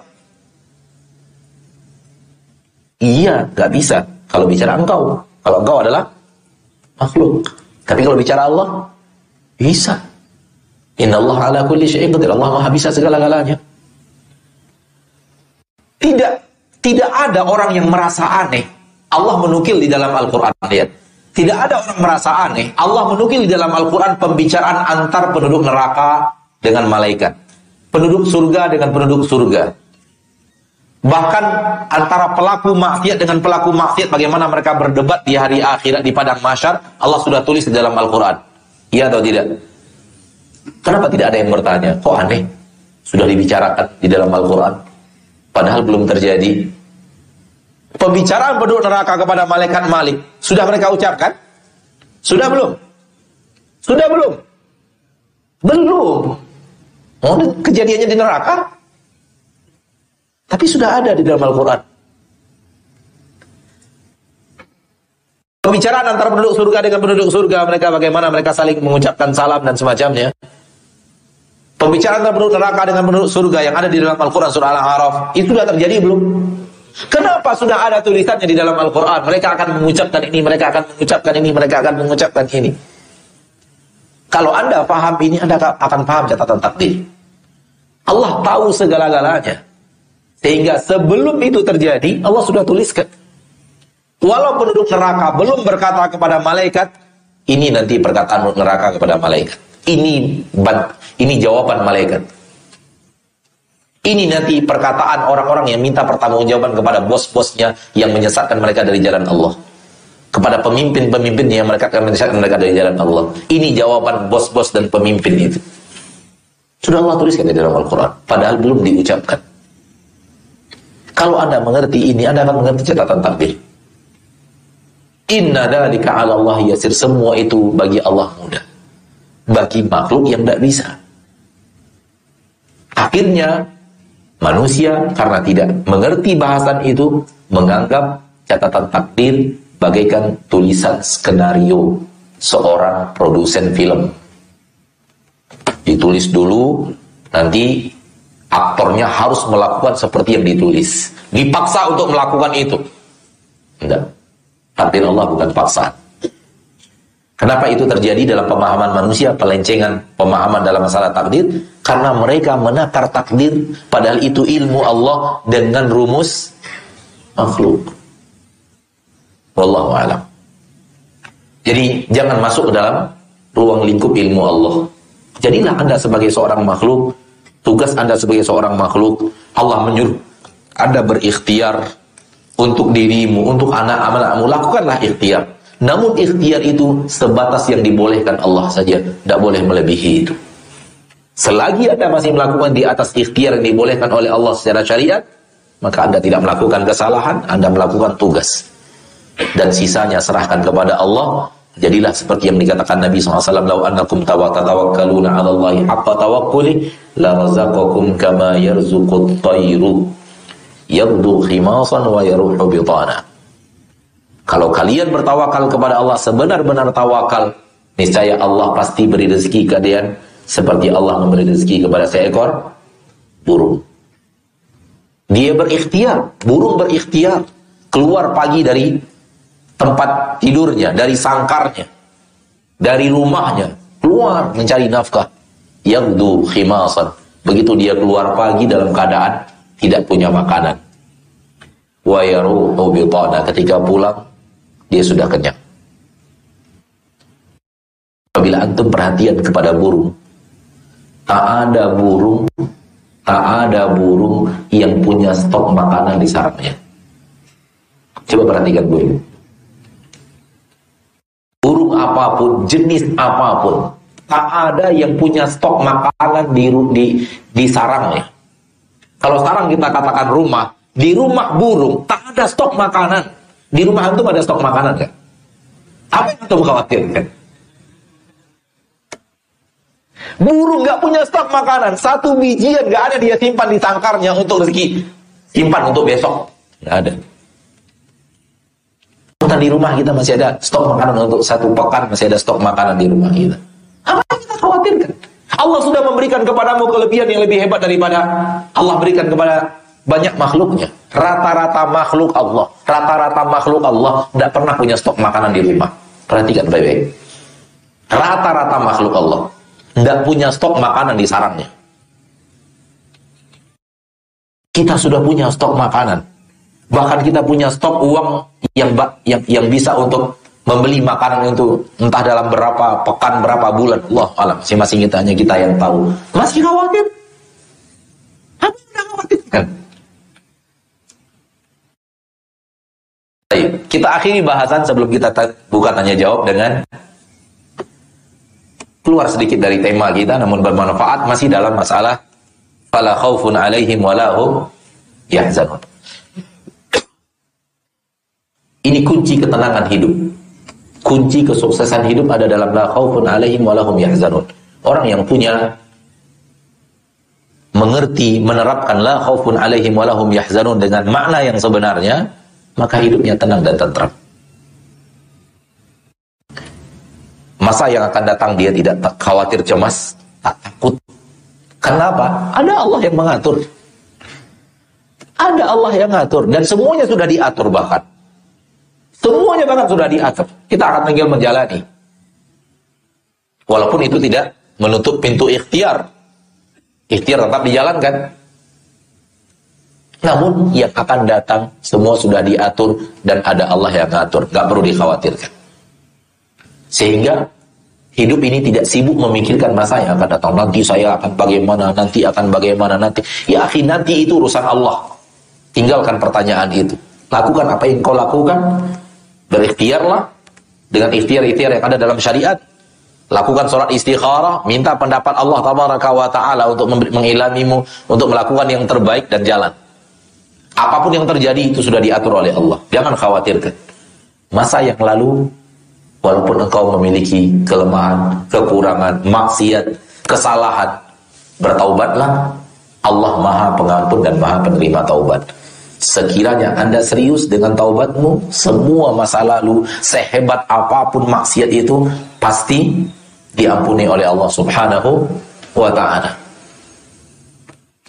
Bahasan terakhir kita, kalau seorang Muslim tidak disibukkan dengan masa yang akan datang, juga tidak disibukkan dengan masa yang telah berlalu. Pertanyaannya adalah, dia sibuknya di mana? Yang sekarang. Yang sekarang kita lakukan. Ini resep hidup yang benar. Jangan khawatirkan masa yang akan datang. Jangan sedih masa yang akan lalu. Sibukkan dengan sekarang Anda melakukan apa. Sekarang ini saya mengerjakan apa. Sekarang ini saya sedang apa. Di situlah titik perhatian seorang mukmin dalam hidupnya. Lihat, sekarang dia dia perhatian. Sekarang saya ngapain ya? Oh, saya harus baca Quran, baca Quran. Sekarang saya ngapain? Oh, saya saatnya saya mencari rezeki, membuka toko. Konsumen tidak ada. Sekarang saya harus ngapain? Baca Quran ketika konsumen belum datang. Ketika rezeki ada, apa yang harus saya lakukan sekarang? Ternyata bayar zakat. Apa yang akan saya lakukan? Ada kajian. Suruh dulu karyawan di toko kita berangkat kajian. Orang mukmin hidupnya hari demi hari yang dia pikirkan adalah dia sekarang ini ngerjakan apa? Apakah yang dia kerjakan sekarang di atas keriduan, di atas hal yang diizinkan Allah, di atas ketaatan, atau ada kesalahan yang harus dia perbaiki? Di sinilah titik hidup yang sebenarnya. Kalau kita paham dan mengerti ayat tadi, Ketika kita tidak kita dilarang untuk cemas di masa yang akan datang dan kita tidak penuh dengan kesedihan di masa lalu, itu artinya yang kita lakukan adalah peduli kepada apa yang sekarang kita lakukan. Karena sebagian manusia saking tinggi cita-citanya yang sekarang dia tidak peduli. Atau saking sedihnya sehingga yang sekarang itu dilalui dengan penuh dengan tidak semangat, loyo, takut, penuh dengan kekhawatiran dia diadab oleh Allah Subhanahu wa taala. Mati, takut mati dan takut diadab itu yang terjadi bagi orang-orang yang selalu memikirkan kesalahan masa lalunya. Dan kita pernah bertemu dengan orang-orang yang seperti itu. Hidupnya itu penuh dengan takut. Kenapa? Saya dulu pernah begini, saya pernah begini, saya pernah begini. Maka seorang mukmin ada tiga hari yang ada lalui, hari yang lalu, hari yang sekarang, hari yang akan datang. Lihat hari yang lalu, hari yang sekarang, hari yang akan datang. Hari yang lalu jangan sedih kata Allah. Hari yang akan datang jangan takut. Masih ada satu lagi yang sekarang. Maka hidup seorang mumin adalah peduli dengan apa yang dia kerjakan saat ini. Ketika kita selalu peduli dengan apa yang kita lakukan saat ini, kita bisa menata hidup kita di atas ketaatan. Kalau tidak, syaitan akan masuk menariknya ke jalan yang dia inginkan, terkadang tanpa kita sadari, terkadang kita sadari, namun hawa nafsu melebihi ilmu. Wallahu ta'ala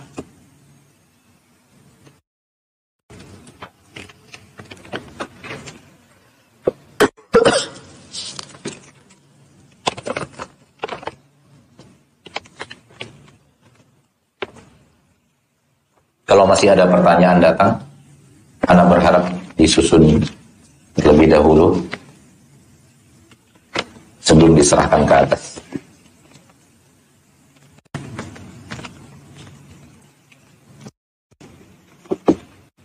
Masya Allah ini serius ini pertanyaan sebagian. Ini bisa dua jam sendiri jawab pertanyaan. Bismillah.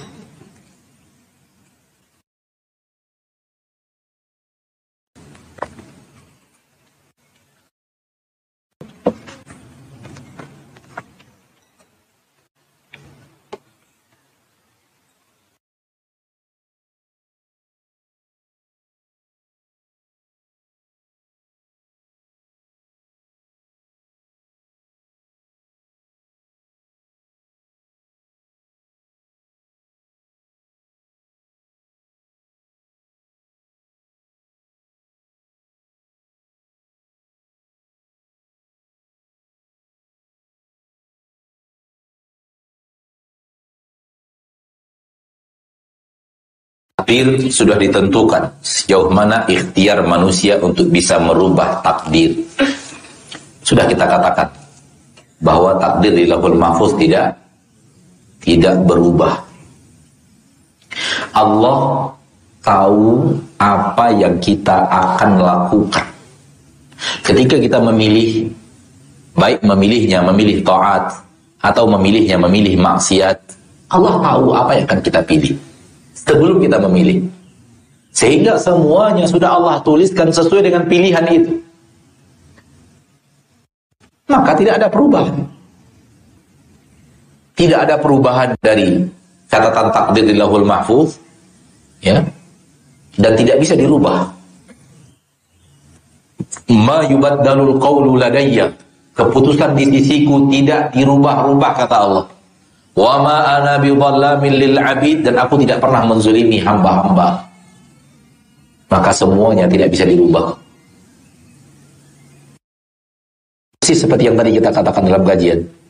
Banyak orang bertanya bisakah dirubah? Sekiranya dia penuh neraka lalu kemudian bisakah berubah menjadi tidak pernah. Supaya tidak menjadi penuh neraka, ikuti perintah Allah. Ber, bergabunglah di barisan orang-orang yang beriman dan beramal karena Allah berfirman, orang yang beriman dan beramal soleh, Allah berjanji kepada mereka, Allah masukkan ke mana? Ke surga. Jadi kalau ingin ke surga, bukan merubah takdir. Tapi berbarislah, bergabunglah dalam barisan orang-orang yang taat kepada Allah dan Rasulnya. Gabungkan diri kita, bariskan diri kita dalam barisan orang-orang yang iman dan beramal saleh. Dan kalau kita sudah serius melakukan itu, Allah pasti serius memberikan janjinya kepada kita. Janji Allah di dalam Al-Quran semuanya. Untuk orang yang beriman amal soleh Allah masukkan ke mana? ke surga dan Allah tidak akan ingkar janji. Maka itu namanya bukan merubah takdir, tapi memilih dan apa yang kita pilih itu yang tertulis di, akan Allah tulis di tertulis di Lauhul Mahfuz. Karena yang Allah tulis itu apa yang kita kerjakan. Allah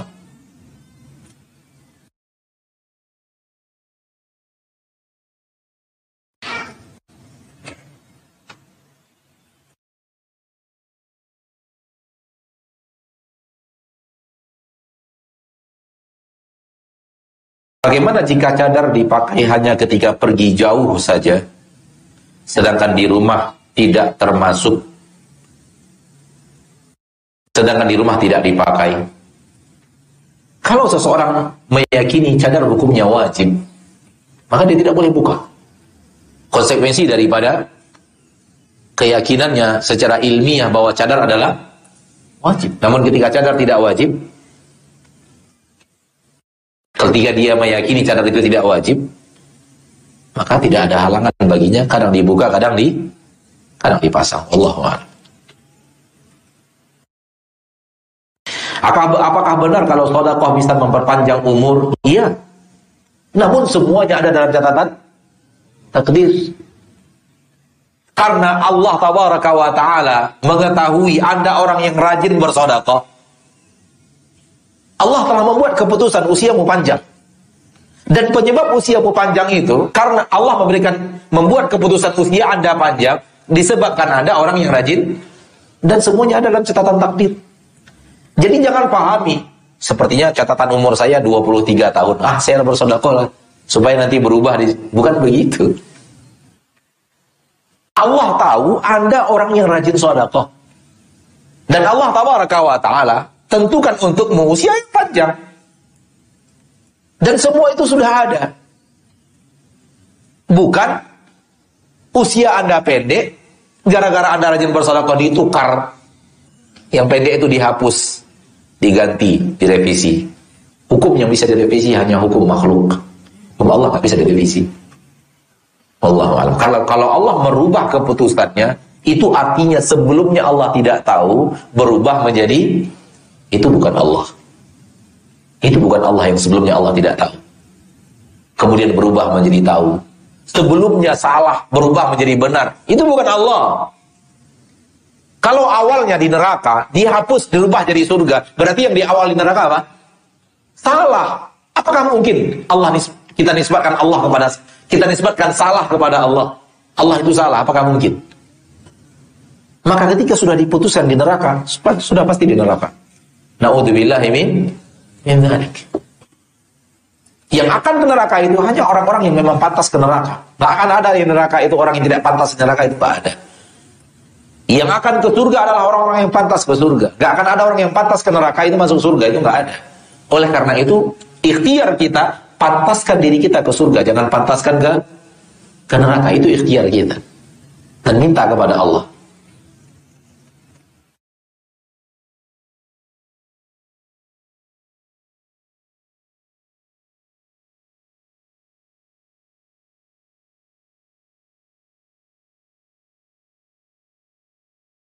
Sekarang merasa putur. Padahal sudah berusaha dan sudah ikut kajian.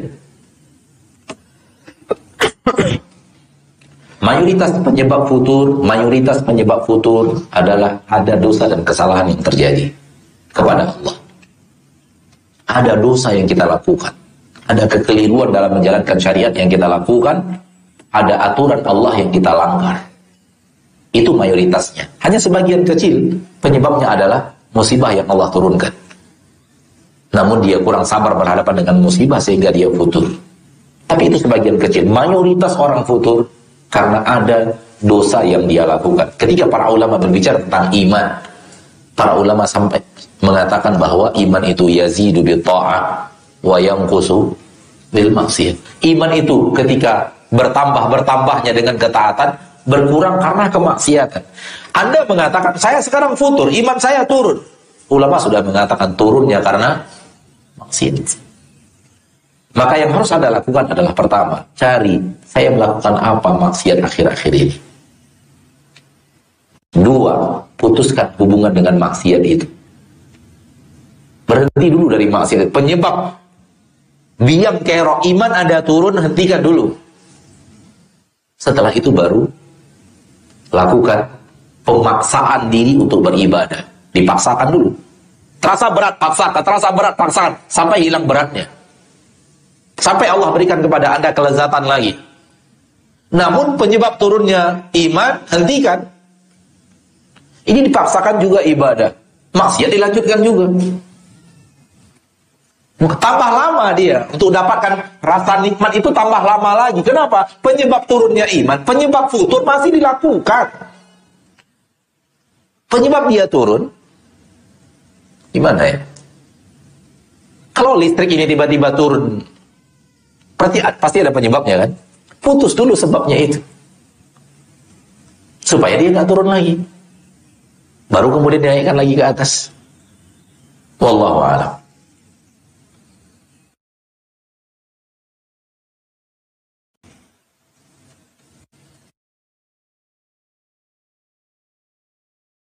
Apakah jika pasrah dengan keadaan ekonomi sekarang ini?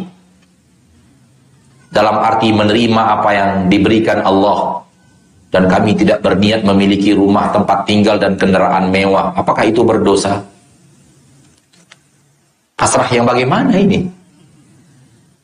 Pasrah kalau dalam arti kata ridho, apa yang Allah berikan kepada kita saat ini, kita terima dengan lapang dada, tanpa ada rasa ya Allah kenapa saya tidak diberikan? Orang lain diberikan. Tanpa ada rasa itu apa yang Allah berikan kepada kita sekarang? Sudah ya Allah apa yang kau berikan kepadaku sudah lebih dari cukup. Sampai di situ ya. Tidak ada mata itu jalalatan melihat kendaraan orang jalalatan melihat rumah orang. Masalah. Bahkan itulah yang benar tapi kalau pasrah dalam arti kata kayaknya kita nggak bisa jadi orang kaya. Ya udahlah gini-gini aja deh. Gak mungkin kayaknya punya rumah rumah mewah nggak usah. Gak mungkin orang kayak kita ini nggak. Itu namanya frustasi bukan pasrah. Nggak boleh juga. Nggak boleh juga. Kenapa? Nabi mengatakan eh haris alama yang fauk. Tamalah terhadap apa pun yang bermanfaat. Berikhtiar terus. Tapi ribo dengan keputusan Allah, ribo dengan apa yang Allah berikan. Nah ini antara dua pasrah di sini. Coba lihat. Jika saya pasrah dengan keadaan ekonomi saat ini, dalam arti menerima apa yang diberikan Allah, kami tidak berniat memiliki rumah, tidak melihat berniat memiliki kendaraan mewah. Antara dua ini, antara yang benar dan yang salah itu. Pengamalannya bagaimana? Ya. Orang yang benar-benar apa yang Allah berikan kepadanya dia syukuri. Dan dia tidak melihat kepada orang yang berada di atasnya secara nikmat itu sudah benar hidupnya. Maka pasrah yang seperti ini dalam arti kata ridho itu sudah benar. Tapi kalau pasrah dalam arti kata frustasi kayaknya nggak mungkin. Ya udahlah. Gini-gini aja. Jangan pernah bicara mobil lagi. Jangan pernah bicara rumah mewah lagi gitu misalnya. Jangan pernah lihat-lihat rumah mewah orang Kan kebiasaan orang zaman sekarang, terutama media sosial sekarang ini. Lihat orang ini hartanya berapa, mobil mewahnya berapa, rumahnya bagaimana. Itu kebiasaan orang-orang yang akhirnya membuat dirinya sendiri hidupnya hancur. Tanpa terasa. Kenapa? Ketika dia lihat apa yang dimiliki orang, dia bertemu realita nyata hidupnya, nggak seperti itu. Akhirnya dia salahkan Allah. Akhirnya dia tidak ridho dengan keputusan Allah dan ini berbahaya. Oleh karena itu jangan biasakan melihat hal-hal yang seperti itu. Zaman kita sekarang zaman yang paling laris yang begitu-gituan. Coba lihat para pembuat konten yang paling banyak pengikutnya yang mana? Konten bicara tentang harta seseorang, bicara tentang rumah seseorang, bicara tentang fasilitas seseorang, bicara tentang mobil seseorang. Subhanallah. Itu yang dilarang oleh oleh Rasulullah SAW. Lihat kepada orang di bawah kalian, kata Nabi. Jangan lihat orang yang di atas kalian. Larangan dari Nabi untuk melihat orang yang di atas kita secara nikmat. Namun itu yang dilakukan banyak orang sekarang. Kalau kita melihatnya ke bawah, terasa bahwa kita itu kaya walaupun nggak punya rumah. Belum lama ini hitungan harian, hitungan hari. Saya melihat seseorang tidur di trotoar. Nyenyak luar biasa padahal mobil hiruk pikuk lalu lalang. Subhanallah. Itu sudah merupakan nikmat yang besar bagi dia ketika dia dapat, tidur di siang hari. Siang hari sekitar jam satu siang subhanallah. Di atas trotoar tanpa payung, mobil lalu lalang di kiri kanan dan dia bisa tidur nikmat di situ. Itu nikmat besar kalau dia menyadari. Karena di sana sini banyak orang yang susah tidur. Apalagi dalam kondisi yang seperti itu. Kita lihat orang yang di bawah kata Nabi SAW. Kalau kita biasakan hidup kita melihat yang di bawah, maka hidup kita akan nyaman. Percaya tidak percaya, antum lebih kaya daripada Rasulullah Sallallahu Alaihi Wasallam. Apabila antum simak biografi hidup Rasul Anda dan Anda simak biografi hidup Anda sendiri, Anda lebih kaya daripada Rasulullah SAW. Lalu apalagi mata kita untuk melihat yang Rasul saja, Nabi yang paling dicintai Allah, makhluk yang paling dicintai Allah, hidupnya bersahaja. Antum pernah tiga bulan gak bisa masak apa-apa? Gak pernah kan? Rasul pernah tiga bulan gak masak apa-apa di rumahnya. Kenapa? Memang nggak ada yang dimakan. Hanya korma air putih. Makan korma air putih. Kenapa? Nggak ada yang mau dimasak. Nggak ada daging, nggak ada roti, nggak ada gandum, nggak ada. Istri beliau tiga bulan nggak masak apa-apa. Bukan karena nggak mau masak, karena nggak ada yang akan dimasak. Kalau ingin hidup itu merasa nyaman, rumusnya ikhwani wa akhwati fiddin rahimani wa adalah bedakan antara kebutuhan hidup dan keinginan hidup. Bedakan antara kebutuhan hidup dan keinginan dalam hidup. Kebutuhan hidup berbeda dengan keinginan. Yang tadi ditanyakan oleh saudara atau saudariku itu keinginan. Ingin punya rumah sendiri, ingin punya mobil mewah, apa tadi? Kendaraan mewah itu keinginan, bukan kebutuhan. Salah membedakan antara keinginan dan kebutuhan membuat manusia hidupnya merasa sengsara. Kebutuhan hidup semua kita punya karena Allah sudah bagi rata. Semua manusia dapat. Gak ada yang tak dapat. Buktinya apa? Kita sudah 40 tahun hidup. Sudah 60 tahun hidup. Itu artinya kebutuhan hidup kita tercukupi apa tidak? tercukupi. Karena kita sudah 40 tahun hidup. Kita sudah 50 tahun hidup. Manusia hidup butuh makan. Antum makan gak? Berarti ter terpenuhi. Kebutuhan hidup terpenuhi. Kira-kira untuk makan, antum butuh berapa piring sehari? Kira-kira. Tiga piring. Terlalu kebanyakan sebenarnya, tapi oke okay lah. Sebenarnya kebanyakan itu tiga piring itu kebanyakan. Satu piring pagi, satu piring siang, satu piring malam ya. Sebenarnya kebanyakan. Tanya aja dokter kalau nggak percaya. Kebanyakan, oke okay, kita terima. Tiga piring. Kebutuhan hidup tiga piring. Satu piring pagi, satu piring siang, satu piring malam. Pertanyaannya adalah, kesanggupan yang Allah berikan kepada antum untuk memenuhi piring berapa piring sehari? Maka bertanya, kesanggupan saya menyiapkan makan ber saya berapa piring sehari? Kesanggupan yang sedang Allah berikan kepada kita sekarang. Banyak? Kalau dihitung kesanggupan banyak piringnya, misalnya kita bisa sanggup untuk satu, untuk menyiapkan ya, menyiapkan makan pagi 20 piring, makan siang 30 piring, makan malam 20 piring, kesanggupan sanggup gitu. Tapi kita tetap makannya satu-satu-satu gitu kan. Tapi secara kesanggupan, secara kemampuan, sanggup untuk menyiapkan sampai 30-50 piring. Berarti lebih kaya kita daripada kebutuhan hidup kita. Kita punya sesuatu yang lebih daripada kebutuhan hidup kita. Begini caranya. Kita hidup butuh butuh pakaian, butuh pakaian, pasti butuh pakaian. Kira-kira untuk hidup kita butuh berapa pakaian? Untuk hidup kira-kira butuh berapa pakaian? Sahabat ada yang hidup hidupnya cuma dua pakaian. Ini dicuci, ini dipakai. Kotor yang tadinya udah kering dipakai lagi ini yang dicuci. Hidup. Taruhlah kita di Indonesia sekarang ini karena udara lembab, sering berkeringat dan semacamnya, kita butuh tujuh pakaian per hari lah. Senin, Selasa, Rabu, Kamis, Jumat sampai ah tujuh oke. Okay. Pertanyaannya di rumah antum berapa pakaiannya? Ayo. Berapa? Buka lemari antum lihat baju saya ada berapa ya? Padahal butuh hidupnya nggak butuh selemari penuh itu nggak butuh pak. Itu hanya keinginan. Saya ingin punya baju ini, ingin punya baju ini, ingin punya merek ini, ingin punya yang dari Saudi merek ini gitu. Kadang-kadang pakai ini, kadang-kadang pakai itu. Soal butuh enggak butuh. Coba lihat. Butuh sendal? Satu apa berapa butuhnya? Berapa sendal di rumah antum? Kalau bisa melihat ke arah itu, kita akan bisa melihat bahwa Allah memberikan kepada kita lebih daripada kebutuhan hidup kita.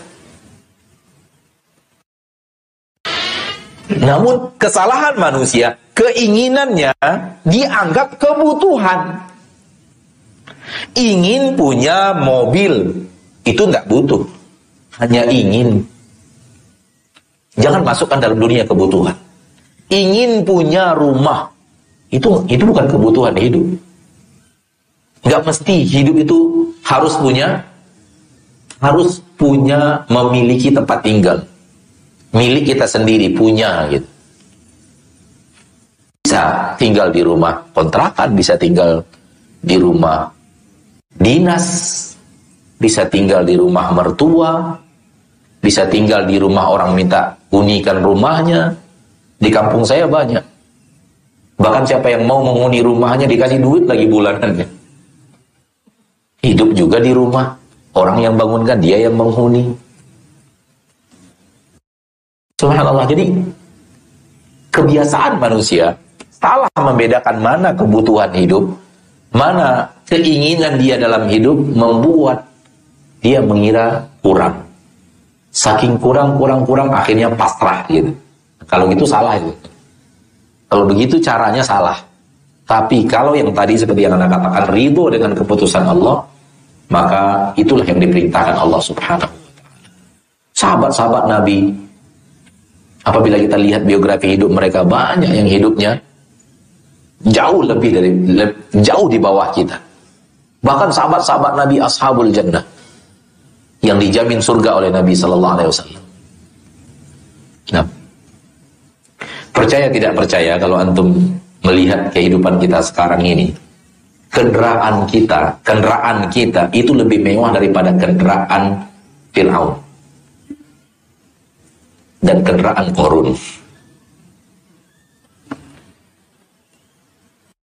Kitanya yang kurang bersyukur. Kendaraan Firaun apa? Yang ditarik oleh kuda. Apa namanya itu? Hah? Gerobak Pak ya? Gerobak kuda gitu ya. Hah? Kereta kencana. Hah, ditarik oleh kuda. Saya tidak percaya. Kendaraan kita lebih mewah daripada kendaraan Fir'aun dan Korun. Mau apa lagi kita coba? AC ini Pak. Ini lebih mewah dari kipasnya Fir'aun. Fir'aun pakai kipas-kipas di belakangnya. AC ini lebih mewah daripada itu. Udaranya lebih segar, lebih sejuk.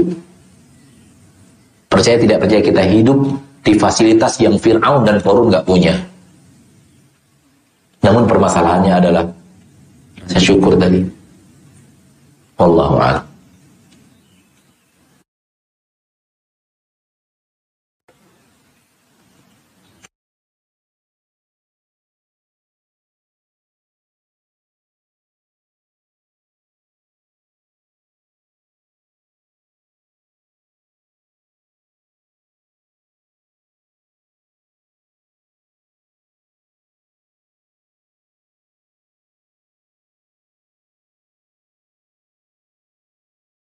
Ustaz, sebentar lagi saya masih usia 40 tahun. Saya khawatir akan beberapa hal. Salah satunya soal keturunan yang belum kami miliki. Khawatir bagaimana saat kami tua nanti. Yakin tua. Hah? Yakin mencapai usia tua.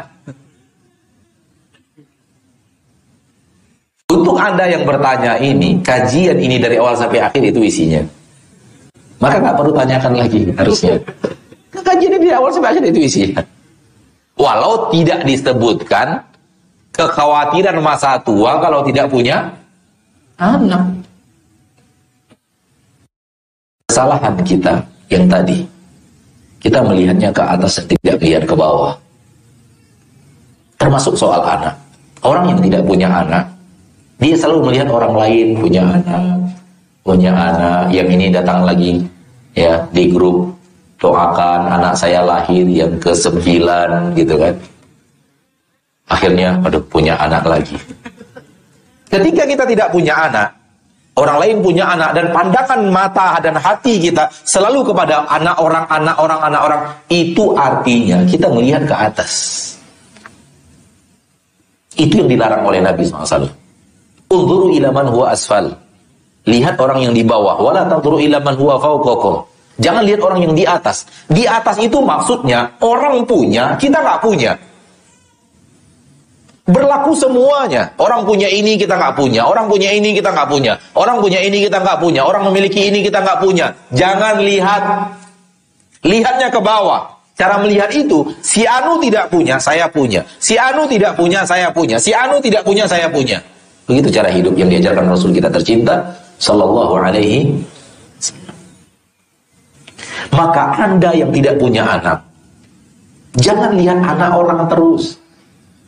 Jangan mata itu diarahkan ke anak orang terus. Wah, orang, orang itu punya anak. Lawan. Lihat yang lain, lihat orang yang tidak punya kaki. Saya punya kaki. Lihat orang yang tidak punya mata. Saya punya mata, sehat. Pergi ke rumah sakit, lihat orang yang lagi sakit.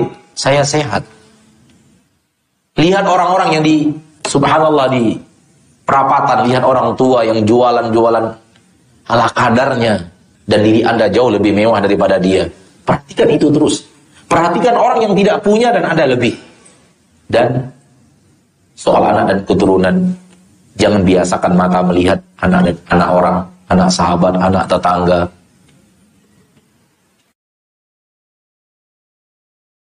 Kalau Allah memberikan kepadamu dua pilihan, kalau ini hanya berkalau-kalau, Allah memberikan kepadamu dua pilihan. Allah berikan anak, tapi Allah ambil kaki dan tangan. Atau Allah biarkan tidak punya anak, namun kaki dan tangan tetap Allah berikan sehat walafiat. Pilih mana? Pilih mana? Saya hanya ingin mengatakan, Anda punya anugerah Allah yang mungkin Anda tidak ingin kehilangan anugerah Allah itu hanya karena anak.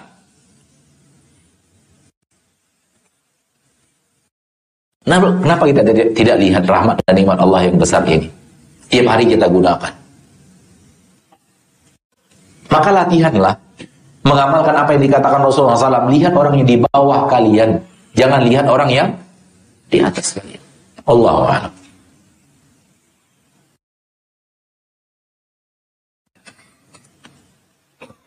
Apakah mimpi ada hubungannya dengan masa depan? Bagaimana status mimpi menurut Islam?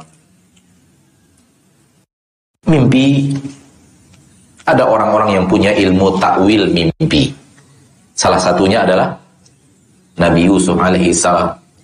Dan Nabi Muhammad juga pernah mentakbir mimpi, Abu Bakar juga pernah mentakbir mimpi. Jadi mimpi bisa ditakbir. Ya. Namun karena yang berbicara kepada antum gak ngerti takbir mimpi, gak bisa ngomong apa-apa. Ya.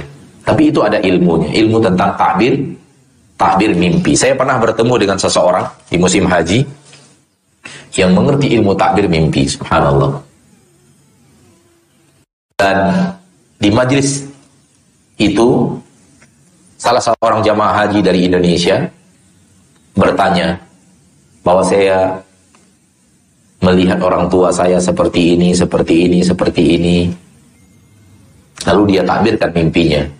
Kemudian ada lagi salah seorang dari Libanon atau Yordania bertanya, saya melihat kakak saya begini, begini, begini, begini.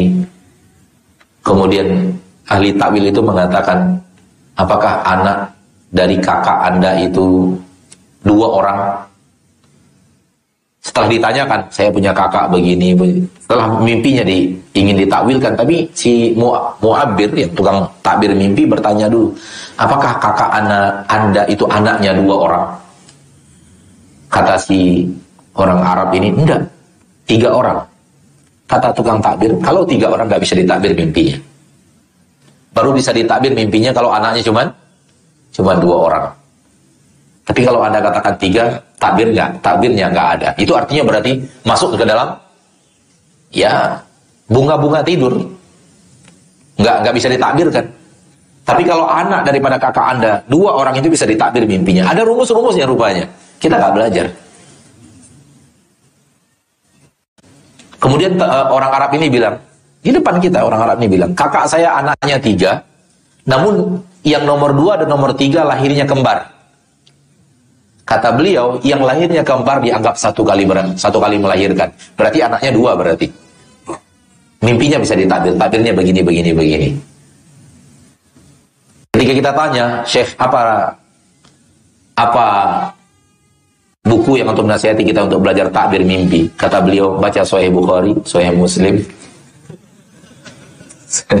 Sunan Nasai, Sunan Abu Dawud, Ibnu Majah, Tirmidzi, pelajari semua itu nanti lambat laun untuk dapat takbir mimpi. Dan nggak mau dia sampaikan buku apa untuk takbir mimpi. Ya. Allah alam. Jadi mimpi ada takbirnya dan salah satunya ilmu yang Allah berikan spesial kepada Nabi Yusuf adalah takbir mimpi. Nabi Muhammad juga pernah mentakbir mimpi. Abu Bakar juga pernah mentakbir mimpi. Berarti mimpi adalah sesuatu yang punya hubungan. Namun ada ilmunya, gak bisa sembarang-sembarang. Ya.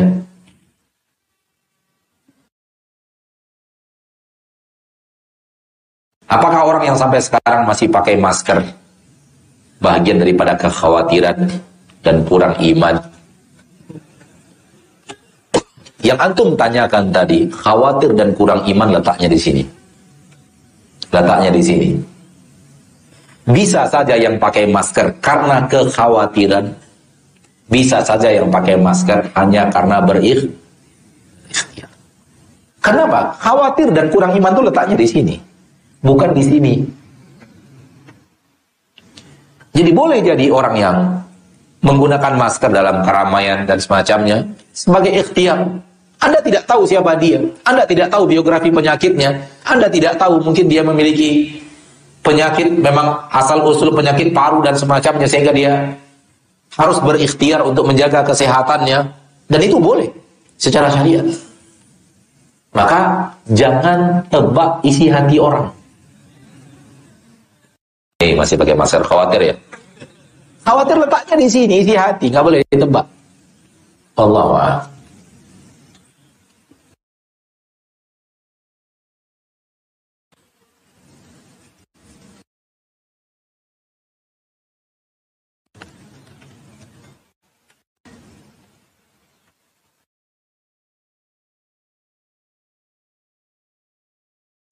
Pertanyaan terakhir yang kita bacakan namun tidak kita jawab. Ini kita bacakan namun tidak kita jawab ya. Pertanyaan terakhir insya Allah.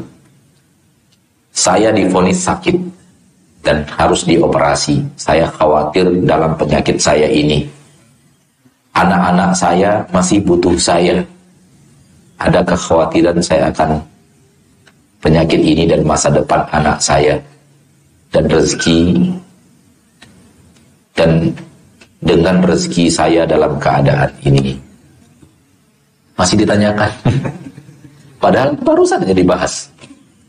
Maka tidak kita jawab. Karena isi kajian kita dari awal sampai akhir isinya itu. Jangan khawatir kita punya Allah.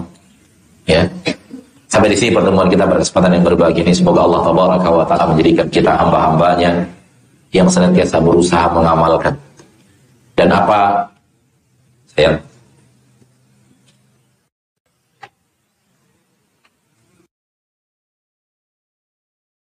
Semoga Allah tabaraka wa taala menjadikan kita hamba-hamba yang senantiasa berusaha mengamalkan. Dan apa yang tadi saya katakan, itu butuh perjuangan mengamalkannya. terutama di saat kita yang sedang menderita itu. Karena di saat kita sedang tidak merasakan sesuatu, kita dalam keadaan stabil. Dan kalau kita dalam keadaan stabil, berbicara tentang hal yang seperti ini gampang. Namun mengamalkannya ketika kita yang menderita tak sama dengan membicarakannya di saat kita tidak mendapatkan penderitaan itu. Maka berlatihlah berusaha untuk memiliki sifat dan menyiapkan iman kepada Allah, iman kepada takdir, terutama di saat musibah itu tiba. Di saat kita sedang sakit, makanya kita katakan tadi, saudara kita yang tadi bertanya, sebenarnya kajian itu untuk itu, namun karena labil, sedang ditimpa musibah, tak semudah itu mengikisnya dari hati kita. Tak semudah itu membuat jiwa tenang, sementara keadaan kita tahu seperti ini, seperti ini. Namun semua itu butuh latihan. Dan apa yang Allah sampaikan kepada kita dalam ayat-ayat yang tadi kita bacakan semuanya untuk mengobati kekhawatiran itu. Oleh karena itu ketika saudara kita ditimpa musibah, kita yang stabil menasihati dia. Karena ketika seorang labil, dia tidak bisa sekuat dibanding di saat dia sedang dalam keadaan stabil, tidak ditimpa masalah, tidak ditimpa penyakit, tidak ditimpa oleh karena itu ketika Nabi Nabi Ayub tetap stabil dalam kondisi penyakit yang menimpa, lihat bagaimana pujian Allah kepada beliau. Ketika para nabi dan para rasul tetap stabil imannya dengan ujian-ujian yang Allah berikan, kondisi-kondisi takut yang Allah berikan, maka lihat pujian Allah kepada para nabi dan para rasul. Karena mereka benar-benar bisa menerapkannya di waktu-waktu yang memang membutuhkan semua itu. Oleh karena itu kita disuruh untuk menasihati. Kenapa diperintahkan kita mengunjungi orang sakit? Saudara kita yang sakit kadang-kadang labil. Dia perlu nasihat. Kenapa kita disuruh untuk menziarahi orang yang mau salah seorang keluarganya wafat dan disuruh kita memberikan kalimat-kalimat yang menghibur karena dia sedang labil. Dia butuh orang-orang yang stabil yang menasihatinya. Walaupun dia ketika dia tidak ditimpa musibah, dia orang yang kuat. Boleh jadi ketika dia sedang diderita oleh musibah dia berubah menjadi lemah karena orang yang sedang ditimpa musibah biasanya biasanya labil. Oleh karena itu kita dianjurkan untuk menasihati, mendatanginya, memberikan nasihat agar kemudian dia kuat dalam kondisinya yang sedang ditimpa musibah. Semoga Allah kuatkan kita di saat kita ditimpa musibah tersebut. Amin ya rabbal alamin. Kita tutup dengan doa kafaratul majlis. Anakallahumma bihamdika syadu an la ilaha illa anta astaghfiruka wa atubu ilaik. Assalamualaikum warahmatullahi wabarakatuh.